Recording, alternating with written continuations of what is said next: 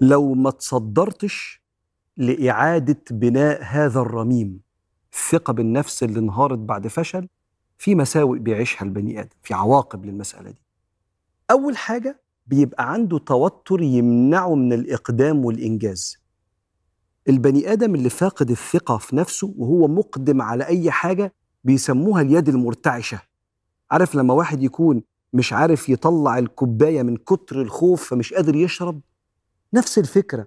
رايح الامتحان ال critical inner voice صوت النقد الداخلي هتنسى مش هتفتكر هتفشل.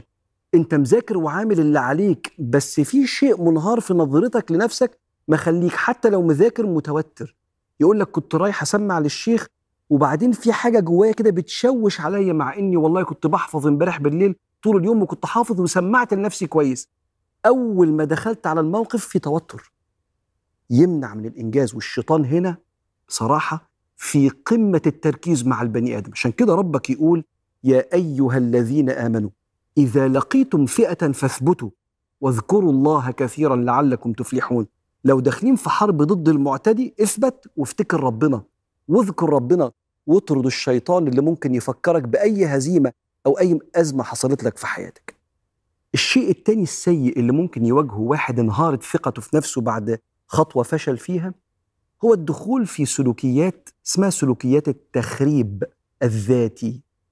ساعات البني آدم كده بيبقى مصدق قوي إنه ما يقدرش إنه ما يعرفش إنه لو دخل في أي حاجة بص هيفضح نفسه فيبدأ في تحضيره للحاجة دي يخرب الموضوع.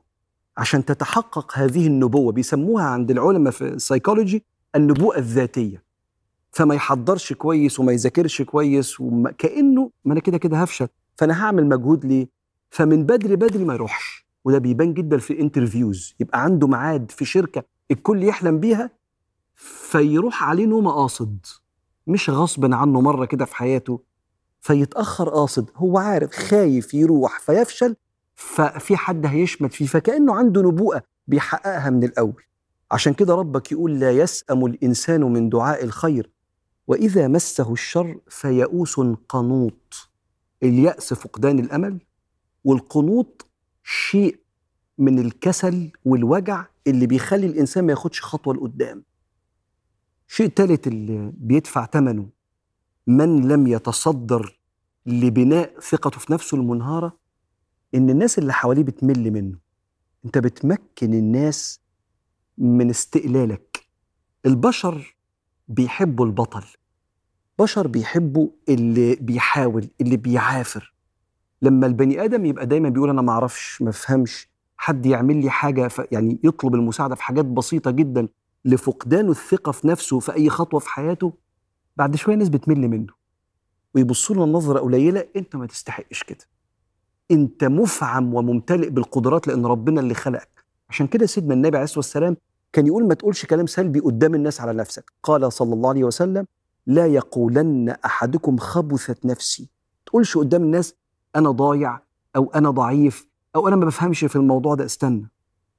أنت بتفهم وأستاذ والناس شايفاك كلها كده أنت الوحيد اللي شايف نفسك كده بسبب التعرض لأسباب أدت لانهيار الثقة بالنفس. وهنا لازم تقف وترمم هذه الثقة المنهارة. ودي مسؤوليتك.